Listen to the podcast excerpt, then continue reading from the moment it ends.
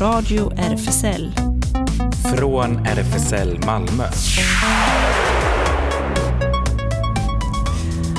Välkommen till Radio RFSL, Riksförbundet för homosexuellas, bisexuellas, transpersoners, queeras och intersexpersoners rättigheter. Ellen heter jag som sitter bakom teknikbordet och eh, på andra sidan glaset. Där sitter jag, Claes, och eh, det är bara vi här. Men vi har ju gäster som ska vara med per digitala medier. Ja, precis. Så att vi får sällskap på så vis ganska snart. Mm. Um, och uh, vi har ju varit på Banksy-utställningen. Vi fick en uh, förtitt kan man säga, en liten guidad tur. Banksy-utställningen som uh, öppnade i lördags och fortsätter fram till den 21 maj med titeln The Mystery of Banksy, A Genius Mind. Ja, den var intressant och det återkommer vi till. Och sen blir det lite om Ja, lite av varje. Film och tv och serier och allt med kultursvep kanske vi kan Kul kalla det. Ja, precis. Kultursvep med eh, ganska mycket överlappning kan man säga. Saker som gav upphov, upphov till varandra och refererar till varandra och sådär. Ja.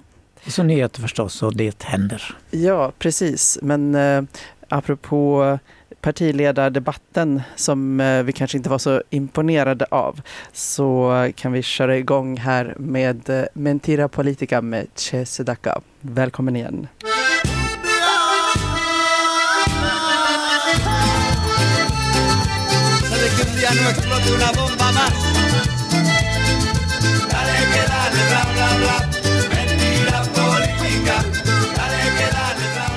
Ja, det var Mentira Politica med Che Sudaka. Politiska lögner. Tack Solle för låttipset. Politiskt bla bla bla sjöng de. Just det. Ja.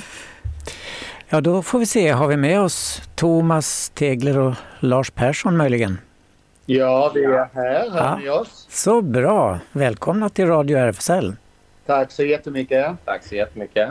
Eh, ja, alltså jag blev så glad när jag såg er förlovningsannons i Sydsvenskan i söndags. Det är så sällan man ser förlovningsannonser överhuvudtaget. Och två killar. Wow, tänkte jag. hur, hur, fick ni idén till, till detta? Ja, alltså vi, vi började ju med sociala medier men sen kände vi ändå att det finns ju folk som vi känner som inte har sociala medier. Det finns framförallt äldre är det ju som inte har det. Och att, att nå ut till, till fler och berätta det trevliga vi hade gjort. Ja, jättebra. Hur, vilka reaktioner har ni fått på det då? Eh, vi tänkte lite grann så, ungefär som du, du sa innan att ja, men det är inte så många som sätter in annons i tidningen längre så vi, vi var lite tveksamma först när vi skulle göra det men så tänkte jag, men vi gör det. Det är väl trevligt och eh, vi är glada att vi gjorde det för att det är många som har hört av sig efteråt som, åt som inte hade sett tidigare och som tyckte det var jätteroligt att se vår bild i tidningen. Så att, eh, vi har fått jättemycket glada positiva eh, mycket positiv respons. Ja, mycket mer än vad vi faktiskt trodde vi skulle få. Så det är ju jätteroligt. Ja, vad kul. Ja, ni ser så glada ut. Vem är vem utav er? Det är jag med skägget, Thomas. Okej. Okay. Ja. Och då är det jag som är den andra. Ja, det kan man nästan ana då ja. Jaha, hur länge har ni hållit ihop innan ni nu sa ja till varandra? Det är lite mer än ett år nu. Mm. Ja. Vi kan väl säga att vi, vi bestämde väl oss eh, liksom ett år tidigare för att vi skulle vara ett par. Mm. Eh, förra nyårsafton. Eh, och då tyckte vi att då firar vi ettårsjubileet med en förlovning. Så det var lite så vi tänkte. Så bra. Eh, och ni bor förstås ihop. Eh, när flyttade ni ihop på allvar då? Det gjorde vi för ett halvår sedan ungefär och det är också en rätt lustig historia för att vi hade pratat lite löst om det. Och på vinst och förlust så börjar man ju så här titta på Hemnet och, och lära sig liksom hur det fungerar lite, titta på föreningars ekonomi och så. Och sen gick vi där och började titta på ett hus som vi blev lite förälskade i båda två. Eh, men där var ju ingenting på Hemnet på flera månader. Men så helt plötsligt en dag så var vår drömlägenhet i det huset vi hade tittat på och då sa vi att den chansen missar vi inte. Så ett halvår ungefär har vi varit eh, sambo nu också. Ja, vad kul! Så bra att ni fick den lägenhet ni riktigt ville ha också då. Ja, vi har drömboendet. Vi trivs jättebra där vi bor. Mm, verkligen. Så det har gått lite snabbt med oss men, men det, är, ja, det är bara så det är. Vi flyttade ihop efter ett halvår och förlovade oss efter ett år. Ja. ja, men det låter bra killar. Tack. Eh, ni har valt en, eh, en låt här. Ja. Av vilken anledning blev det just den och vilken blev det? Vi tycker den hade en vacker text och eh, sen så har vi en hel del fina personliga minnen till den. Så vi valde Ellie Gouldings Love Me Like You Do. Okej, okay. och här kommer den och lycka till med livet. Ja, tack så jättemycket. Tack så jättemycket. Tack ska ni ha. Hej då. Hej, hej. You're the night, you're the color of my blood You're the cure, you're the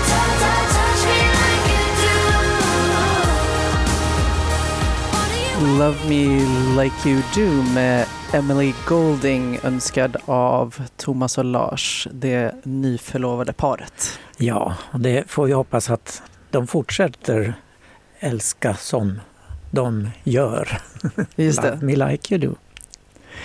Men då flyttar vi oss till ja, en slags konstvärld som finns på husväggar och överallt. Banksy, den mest mystiska gatukonstnären i världen får man väl säga. Jättekänd, jätteberömd. Hans verk som kan sågas loss kanske ibland och sådär säljs för hur många miljoner som helst.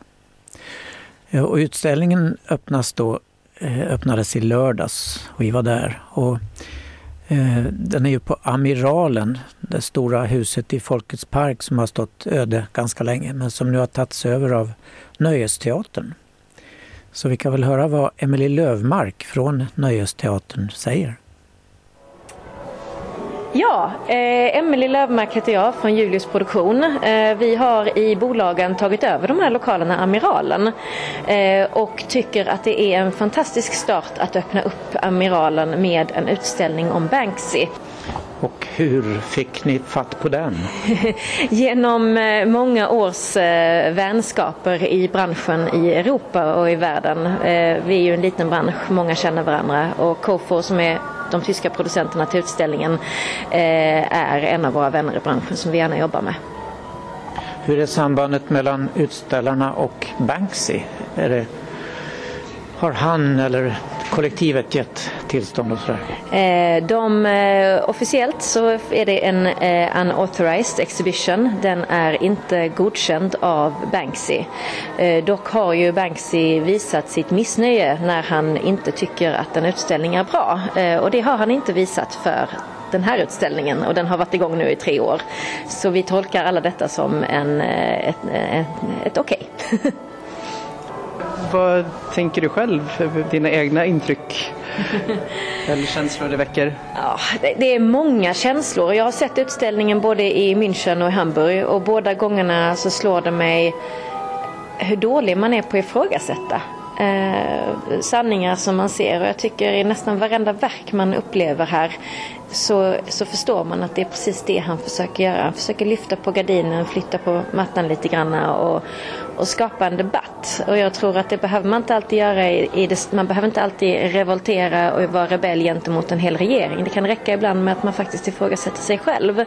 Eh, gör jag samma sak varje morgon, vad händer om jag ändrar det till exempel? Att det finns i det stora och det lilla. Hur länge kommer ni att visa den? Till den 21 maj. Vad händer sen här på Amiralen? Ja, det jobbar vi hårt på just nu. Eh, vi hoppas ju på att hitta en fin mix mellan att eh, kunna ha krogshower, konserter, stand-up, eh, annan typ av underhållning och mixa ihop det med lite längre perioder av utställningar faktiskt. För att vi tycker att det kan bli en bra balans att göra både och. Ja, sen började då en rundvandring i den här utställningen och den var ju imponerande stor, eller hur? Ja, verkligen. Mycket större än jag tänkte mig. Jag vet inte vad jag hade för bild egentligen av, av utställningar generellt, men, eh, men den här var eh, kanske fem gånger större än vad jag föreställde mig. Ja, den var indelad i en mängd olika rum som hade olika teman och sånt där. Men ingenting i utställningen är ju originalverk av Banksy. Allt är kopior och uppbyggda miljöer och nyproducerade statyer och väggar och interiörer och sånt där. Eh, men som, som Emily sa här, Banksy har ju inte godkänt det här men i alla fall inte protesterat. Nej, så det får man väl tolka som att han borde vid det här laget, om man har haft tre år på sig att äh, reagera. Så. Ja. ja. Vi började den här rundvandringen i utställningsrummet som kallas The Walled Off Hotel. Och det syftar på ett riktigt hotell som startades av Banksy precis intill den israeliska muren i Betlehem på den palestinska sidan. Då det är ganska dyrt hotell. Jag gick in och kollade på nätet och nu i januari kostar ett rum där någonstans mellan 2 och 3 000 kronor per natt. Mm. Så ja, ja, det är väl rikingar som bor där då. Och Banksys konst finns på väggarna tillsammans med israelisk och palestinska verk av olika slag. Och det mest kända konstverket där är Banksys bild av en israelisk och en palestinsk soldat som brakar ihop i ett kuddkrig. Det är väldigt gulligt.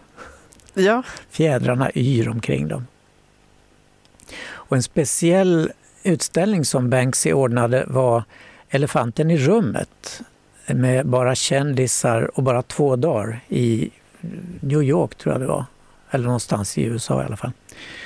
Eh, och det var ju utmärkt marknadsföring för Banksys eh, varumärke. Efter det blev han världsberömd i USA i alla fall. Och det utställningsrummet har man återskapat här, visserligen med en konstgjord elefant för att inte komma på kant med djurskyddsorganisationer, men i alla fall. Och det berättade eh, vår guide som hette Virginia Jean så här om.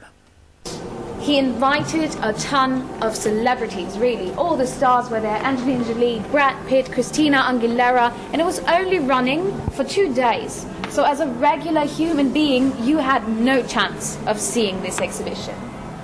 And while it was happening, at some point, the curtains opened and a real live elephant came into the room, painted with the same color as the walls and sprayed with the same golden ornaments.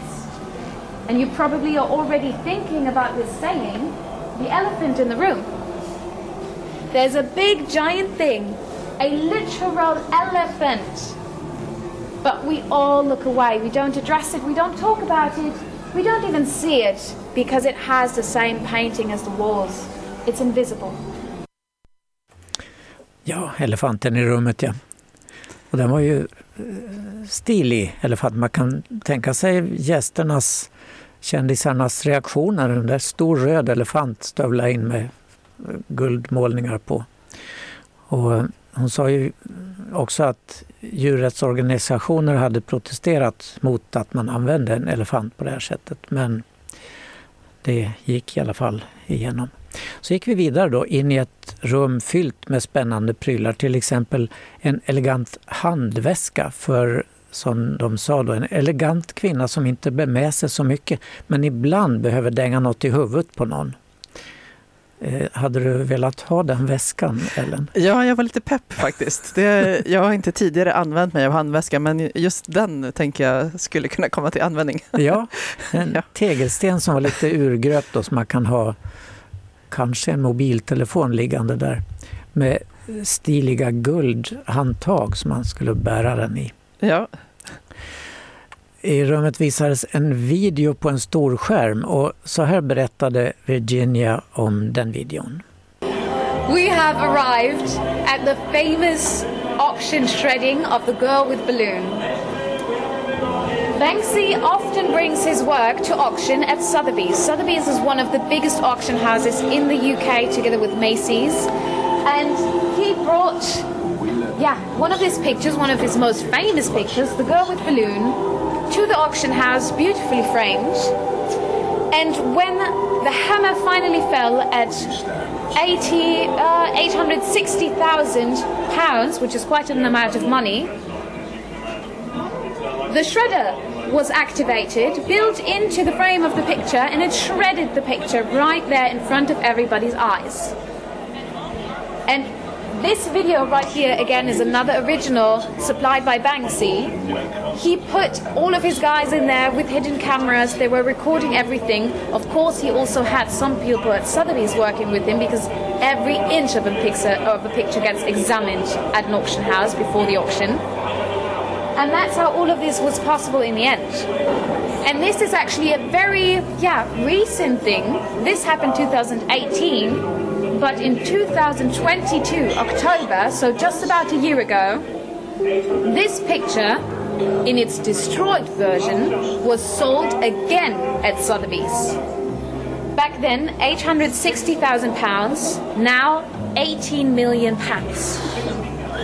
Quite an investment, let's say.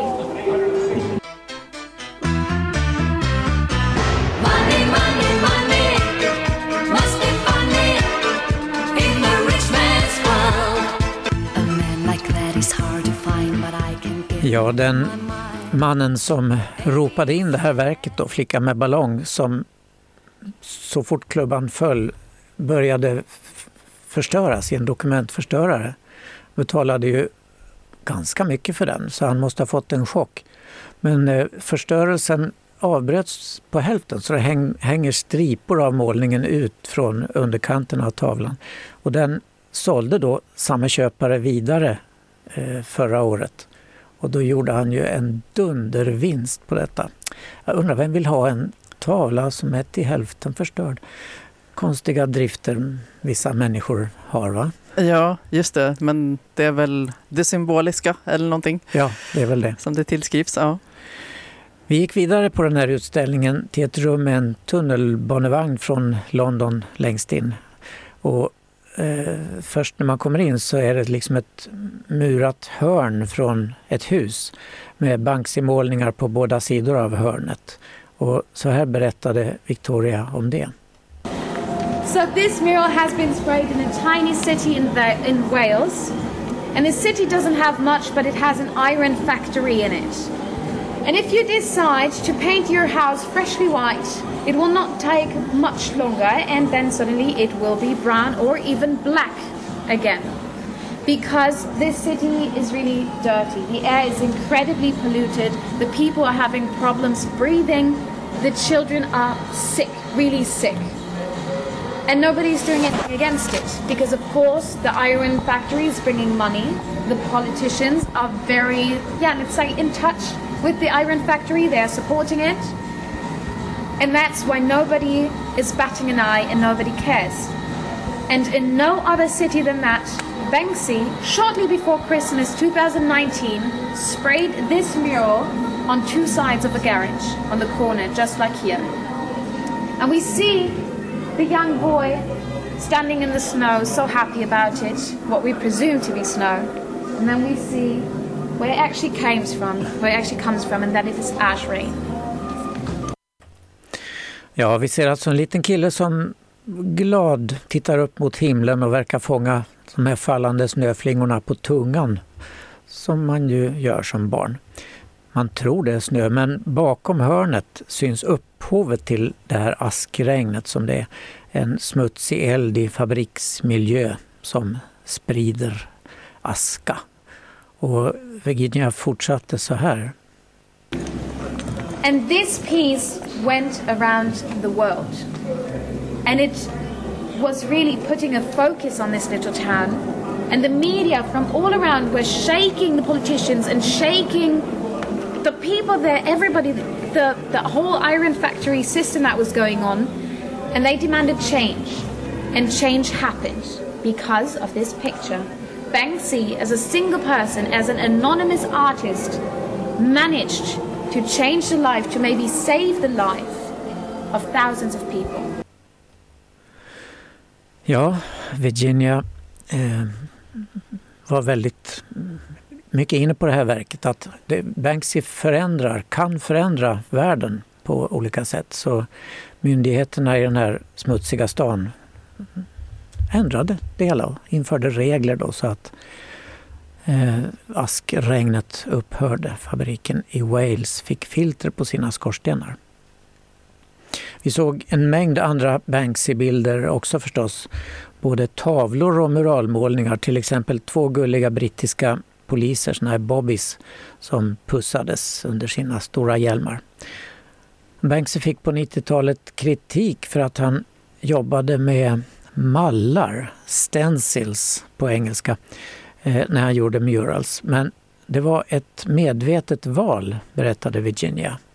This picture, one of these policemen, is about life-sized in real life. So this wall altogether is about like four meters high and accordingly long. And to spray a wall like this just takes a ton of time. So if you don't want to be seen and if you want to stay anonymous, then you don't have this time.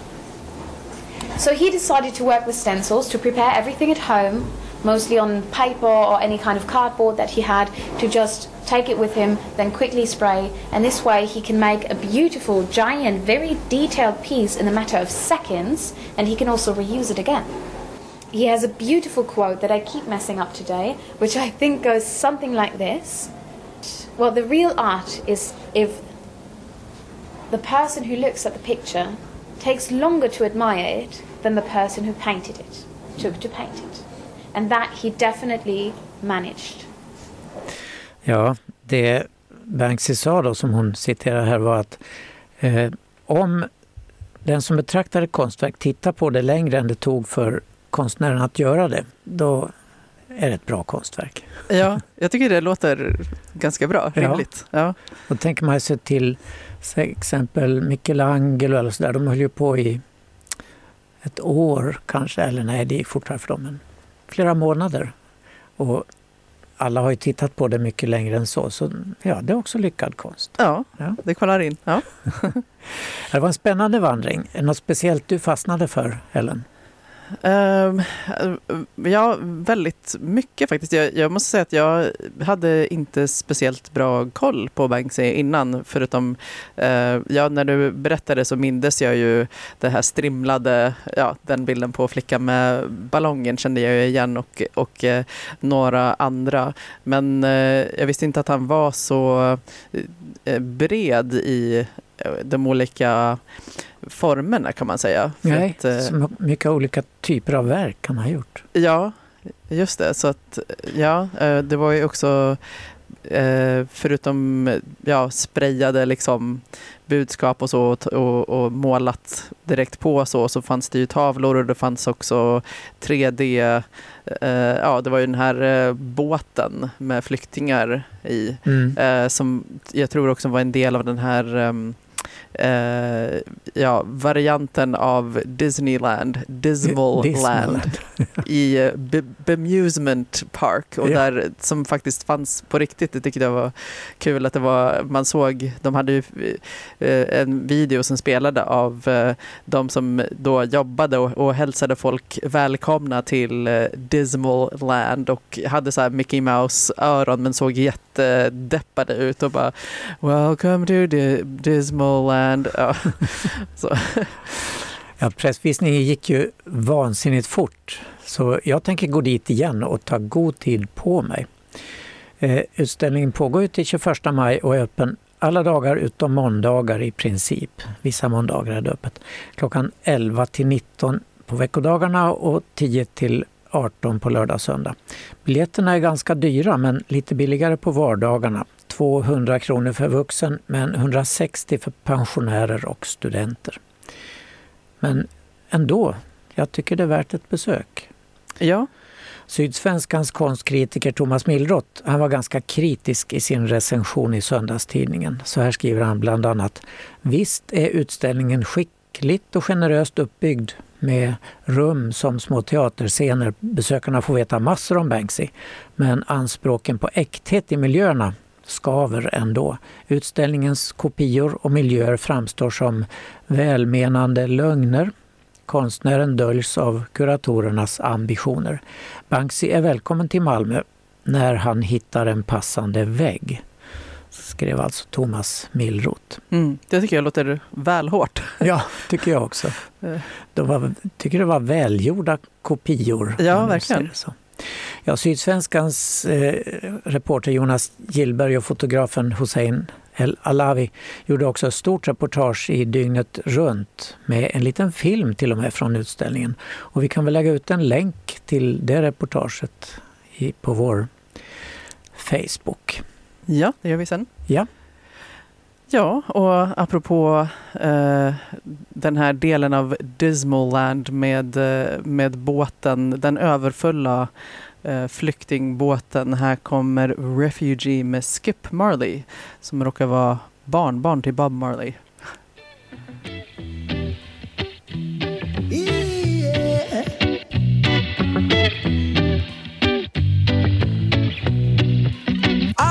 Saw her on the fences through all the borders. She's been a lot of places, sharks and Refugee med Skip Marley. Och därifrån hoppar vi till eh, lite allmänt kultursnack. Du tipsade om eh, någonting som kom på SVT Play, Drag från glitter till kulturkrig. Ett halvtimmes Kulturnyheterna special. Och det var ju ett intressant diskussionsprogram.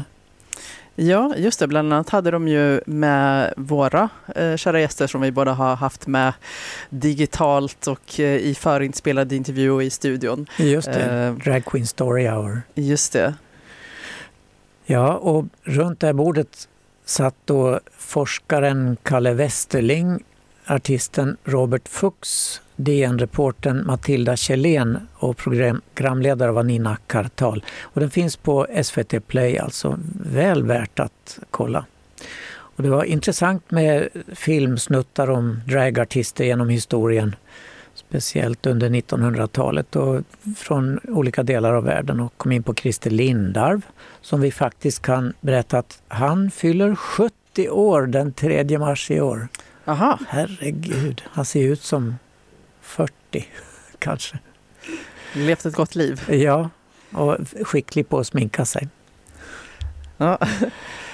Ja, och så eh, Drag Queen Story Hour då som drogs i smutsen plötsligt efter att ha hållit på med att läsa sagor, normkritiska sagor för barn i fem sex år. Så nu i höstas då drogs de i smutsen av en liten insinuant, kan vi kalla honom SD-råtta kanske, i Kalmar? Ja, verkligen. Och jag, jag, såg ju det där inslag med honom tidigare och påmindes i, igen att alltså, ja, han, han känns ju som någon som eh, kanske inte är så himla säker på sin egen... Det brukar ju vara det. Ja, Ja, just det. eh, Och eh, han var i, i SVT igår eller i förrgår också. Då fortsatte han. Han gick, kritiserade kulturministern som hade sagt det här att politiker ska hålla armlängds avstånd till kulturen. Ja, det kan man verkligen inte göra. Eh, armlängds avstånd slutar gälla när direkt pervers material inte hålls på armlängds avstånd från barn, sa han då. Och han tyckte att kulturministern skämmer bort sig. Han menar då skämmer ut sig, men han är ung och okunnig och kan inte ens svenska. nej, precis. Det är ju någonting som är, varmt om hjärtat för det det här med att lära sig eh, ordentlig svenska är ju annars någonting som SD... Just det, Ja, det är allas nya som kommer till Sverige ska göra det, men de kan ju, de bor ju här redan. Ja, ja. Vi fick tips från en lyssnare också som tipsade om filmen En hemlig kärlek, A Secret Love, som eh, finns på Netflix. Den kom 2020.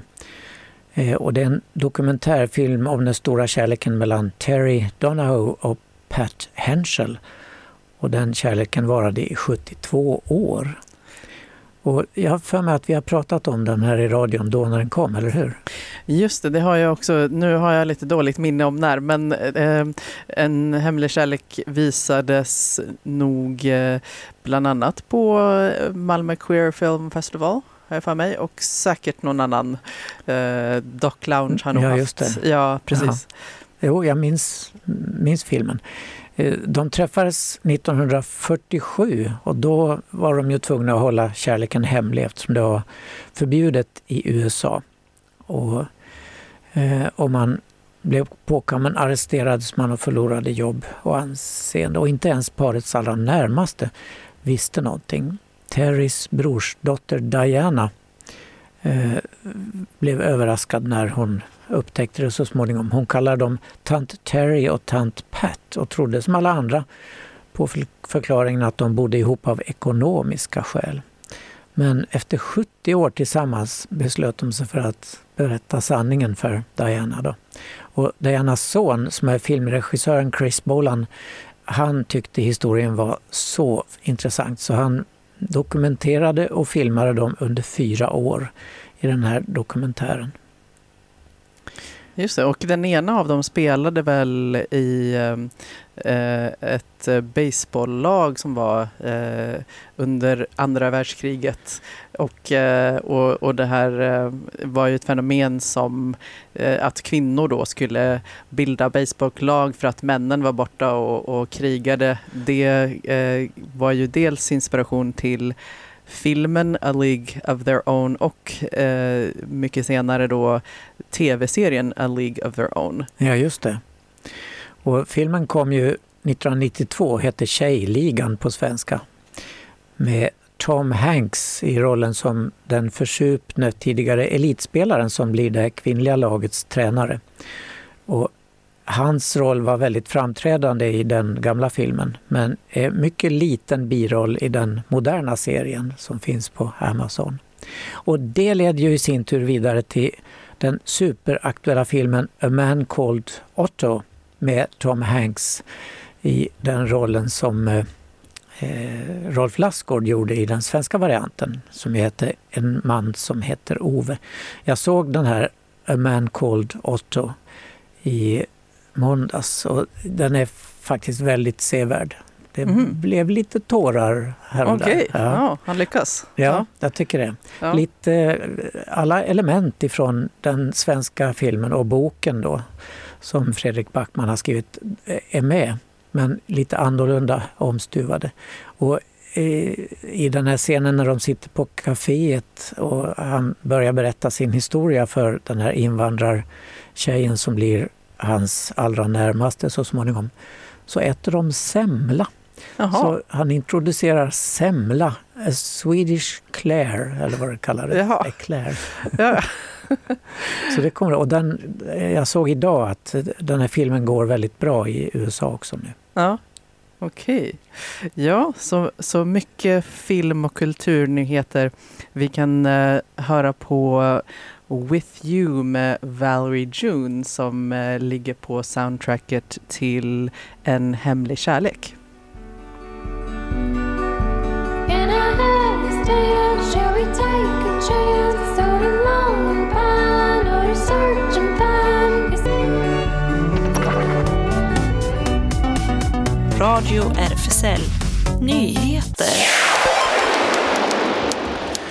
Ja, årets första offer för det dödliga våldet mot transpersoner i USA blev en transkvinna i Washington DC, skriver Pink News. Jasmine Mack, som gick under namnet Star, dog den 7 januari 36 år gammal efter ett knivhugg i benet. Inga gripanden har ännu gjorts och transaktivister tror att hon var den första transpersonen i USA att mördas 2023 och fler lär tyvärr följa. Hennes syster Pamela Witherspoon mindes Star som, som hon säger, bullrig och lite vild och en begåvad sångerska som gillade gospellåtar och visste hur man skräddarsyr gamla kläder till kläder som passade hennes högresta form. Witherspoon berättar att hennes 20 år yngre syster varit trans sedan barndomen och att hon fick utstå mycket hån trots att familjen var helt på hennes sida. En stolt queer 13-årig pojke i Frankrike vid namn Lucas tog häromveckan sitt liv efter att ha utsatts för svårartad homofobisk mobbning i sin skola i Frankrike. Lucas familj och vänner sa att skolan inte gjorde mycket för att stoppa mobbningen, skriver Pink News. Lucas som gick på mellanstadiet i en skola i nordöstra Frankrike var utan att tveka med i hbtq plus-gemenskapen enligt den franska publikationen Tetu. Lucas var ett offer för trakasserier från skolkamrater för sitt sätt att vara, sitt sätt att klä sig och till och med sin blotta närvaro. Han gömde sig inte och det störde vissa människor, säger Stefan, en vän till familjen. Skolledningen förklarar helt chockade att de inte var medvetna om mobbningen, något som familjen tycker låter helt galet. Brittiske prins Harry, nuvarande kung Charles yngste son, har precis kommit ut med en memoarbok där han försöker föra fram sin och hustrun Megans syn på trasslet med kungahuset. Spare heter boken, på svenska Den andre. Harry berättar öppet om det mesta, inklusive hur det var den dagen i augusti 1997 när hans pappa väckte honom på slottet Balmoral i Skottland för att berätta att hans mamma, prinsessan Diana, hade dött i en bilolycka i Paris. Hovlivet var tydligen kallt, strikt och utan närkontakt kroppsligt. Och inget skulle synas utåt. Boken har väckt rabalder på sociala medier av många skäl, men i gayvärlden speciellt för Harrys öppenhet om kroppsfrågorna. Han berättar till exempel om sin penis hela 15 gånger har någon räknat ut. Bland annat om när han fick frostskador där nere under en välgörenhetsmarsch i Arktis tillsammans med veteraner från Afghanistan-tiden. Och hur någon då rekommenderade en speciell hudkräm som skulle kunna hjälpa mot besväret på penis, nämligen Elisabeth Ardens kultklassiker 8 hour cream. Samma som mamma använde till sina läppar, minns Harry och kände genom doften omedelbar samhörighet med mamman då, prinsessan Diana. Freudianskt i kubik kommenterade Dominic Wakeford på Twitter. Den brittiska regeringen eh, stoppade i måndags det skotska parlamentets beslut från december att reformera könstillhörighetslagen. Transaktivister frågar sig nu hur detta kommer att påverka deras rättigheter över hela landet. Vissa har sagt till Pink News att blockeringen är ett politiskt drag att försöka elda upp kulturkrigets eld och en grym handling. Den konservativa regeringen i London tillkännagav i måndags att den skulle blockera ändringar som gjorts i lagen om könserkännande, GRA, av Skottland efter en omröstning i december. Lagändringen skulle ha gjort det lättare för transpersoner att få ett Gender Recognition Certificate, GRC, som juridiskt erkänner deras könsidentitet genom att ta bort medicinska krav och sänka åldersgränsen från 18 till 16. Förslaget att blockera den demokratiskt antagna lagstiftningen genom att åberopa paragraf 35 i Skottlandslagen fördömdes starkt som ett citat attack på demokratin av aktivister och politiska debattörer. För första gången har Sverigedemokraterna i Stockholm nämnt mänskliga rättigheter i sin budget. Men då i samband med ett förslag för att eh, citat, avveckla normkritiska och genuspedagogiska satsningar som hbtq-certifiering till exempel i skolor och förskolor. Det är väldigt konstigt att den enda gången som SD nämnt hbtqi är e när arbetet ska avvecklas, säger liberala borgarrådet i Stockholm Jan Jönsson enligt QX. I Algeriet är homosexualitet kriminaliserat och kan straffas med tre års fängelse. Där är det också förbjudet med pride-symboler och nu utbildas befolkningen i att lära sig skilja på en citat förbjuden regnbåge och en icke förbjuden. Det är alltså extremt viktigt att inte glömma att inkludera färgen indigo mellan blå och lila när man målar en regnbåge i Algeriet. Annars är det nämligen att betraktas som en förbjuden symbol. I en film som nu sprids på Twitter syns hur poliser delar ut informationsmaterial till invånare för att lära dem skillnaden mellan en tillåten och en förbjuden färgkombination, vilket Pink News var först att rapportera. En regnbåge har sju färger. Röd, orange, gul, grön, blå, indigo och lila. Prideflaggan och dess sex färger har dock hoppat över färgen indigo och går direkt från blå till lila. En till synes liten detalj men som har stor betydelse för symbolvärdet. Så stor att algeriska myndigheter alltså går ut och informerar om den. Löjligt.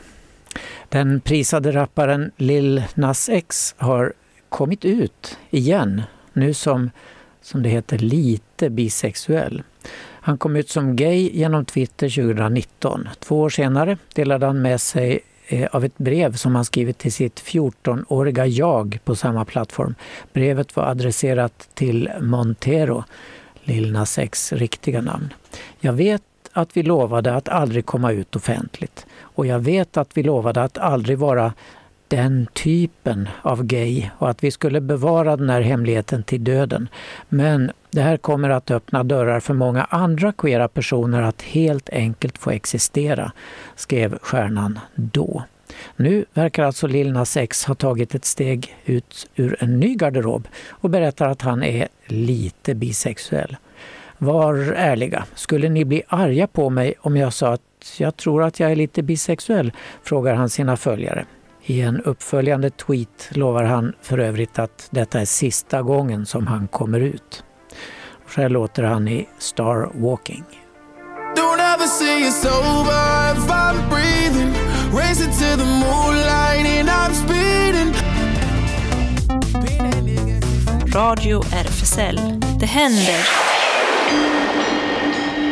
Ja, RFSL har sina lokaler på Stora Nygatan 18 och för att få veta vad som händer så kan du kolla in våra sociala medier som Facebook och Insta till exempel.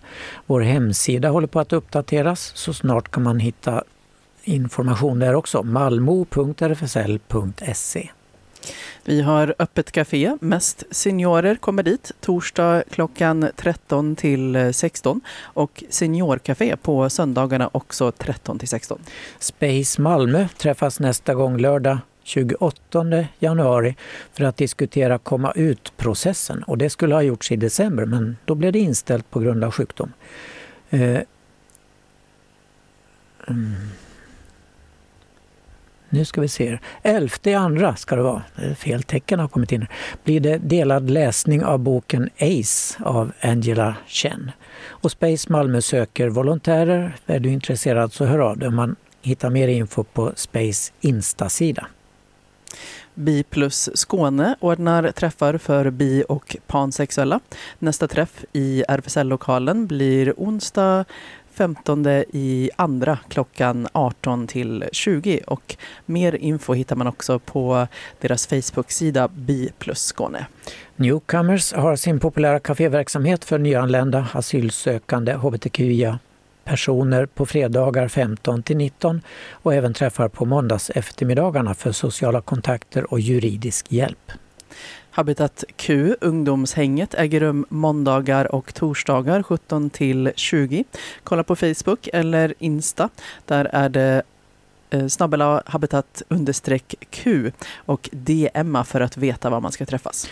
SLM Malmö håller till på Sallerupsvägen 30, en medlemsklubb för bara män. Vill man veta mer exakt vad de gör kan man gå in på hemsidan slmmalmo.se. Tisdagar är klubben öppen 20 till 24. Dörren stänger 22. Lördagar är klubben öppen 22 till 02 och då stänger dörren vid midnatt. Och imorgon, torsdag 19 januari från eh, klockan 18.30 blir det Malmö Queer Munch. Eh, och det är alltså en träff, eh, kanske är det fjärde eller femte gången nu har jag för mig, som kinky queers kan hänga, äta lite, umgås tillsammans, socialisera.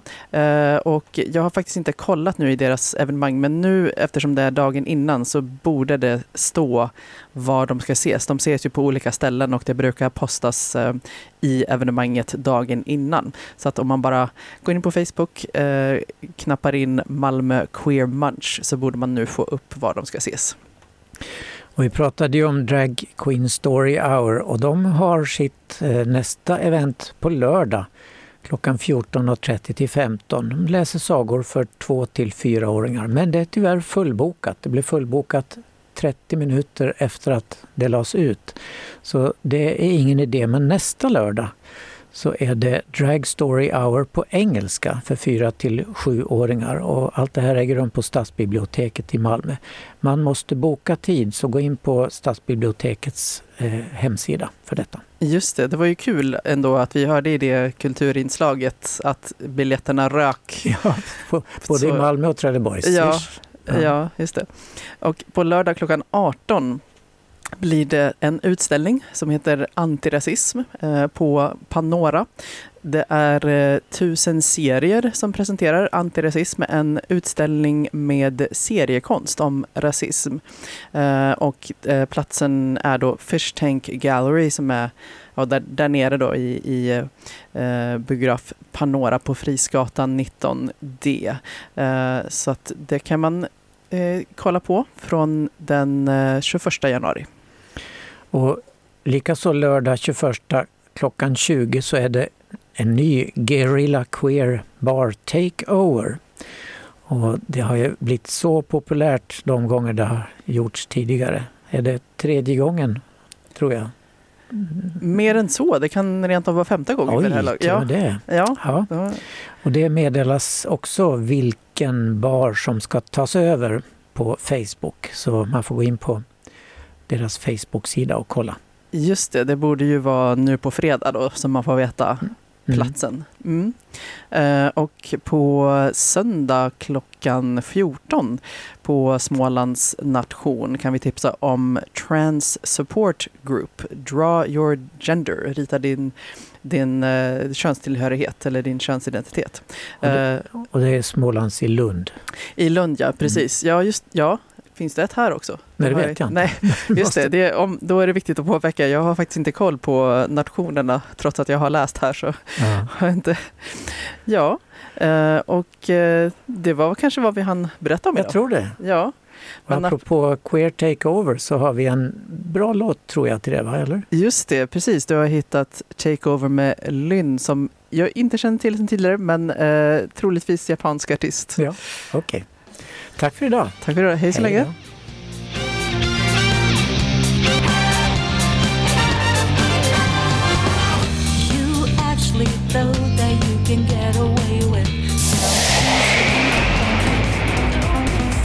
Det här var Radio RFSL. Från RFSL Malmö.